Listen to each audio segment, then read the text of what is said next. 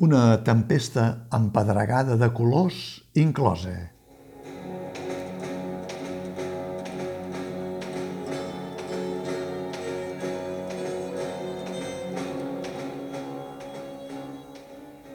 Quan una companyia t'anuncia una versió de la tempesta de William Shakespeare,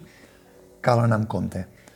Només cal recordar, els que ja tenen una edat, la versió que en va fer la cubana fa gairebé 40 anys,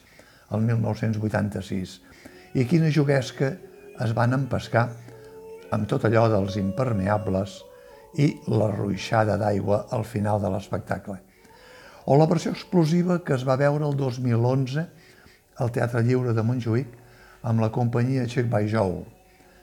I encara més cap aquí, el 2018, la que en va fer el seu aire la companyia Projecte Ingenu, dirigida per Marc Chornet a l'antiga La Seca de l'Espai Brossa. És evident que la que es considera l'última obra, o el testament teatral de William Shakespeare, ha fet honor al seu títol i s'ha revisat i versionat anys i panys no només en clau de tempesta,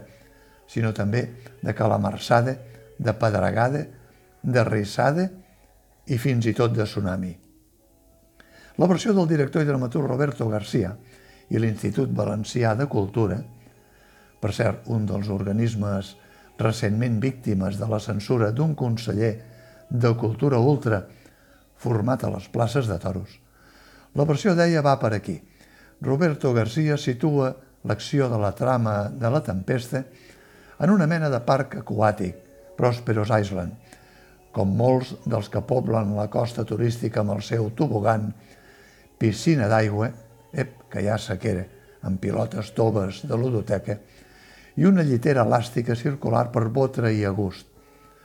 Molts naons de colors i el personatge d'Ariel convertit en una mena de Siri, Alexa, Jasper o qualsevol altre assistent virtual dels que ens assetgen, amb poders celestials i sobretot màgics, com mana el mateix Shakespeare que el fa servidor de Pròsper per haver-lo alliberat del seu empresonament. Tots els favors s'acaben pagant. Es podria dir que Roberto García basa la seva versió en aquest personatge, el d'Ariel, de poders sobrenaturals, interpretat per Paula García Sabio, primer en off i després en presència física a l'escenari i una propina de musical inclosa. I sobretot amb el mateix Pròsper, mestre de cerimònies, interpretat per una gran veterana de l'escena valenciana i catalana, Teresa Lozano, que es mou pels escenaris a punt dels seus 80 anys, amb la mateixa agilitat com si acabés de començar i amb el domini i el personal registre dramàtic adquirit amb els anys. Ja he dit que quan t'anuncien una versió de la tempesta cal anar en compte. Aquí, la versió juga amb el teatre dins el teatre, situant la jove Miranda, l'actriu Marina Alegre, fora de taló, dormint la mona a terra, com si fos una sense sostre,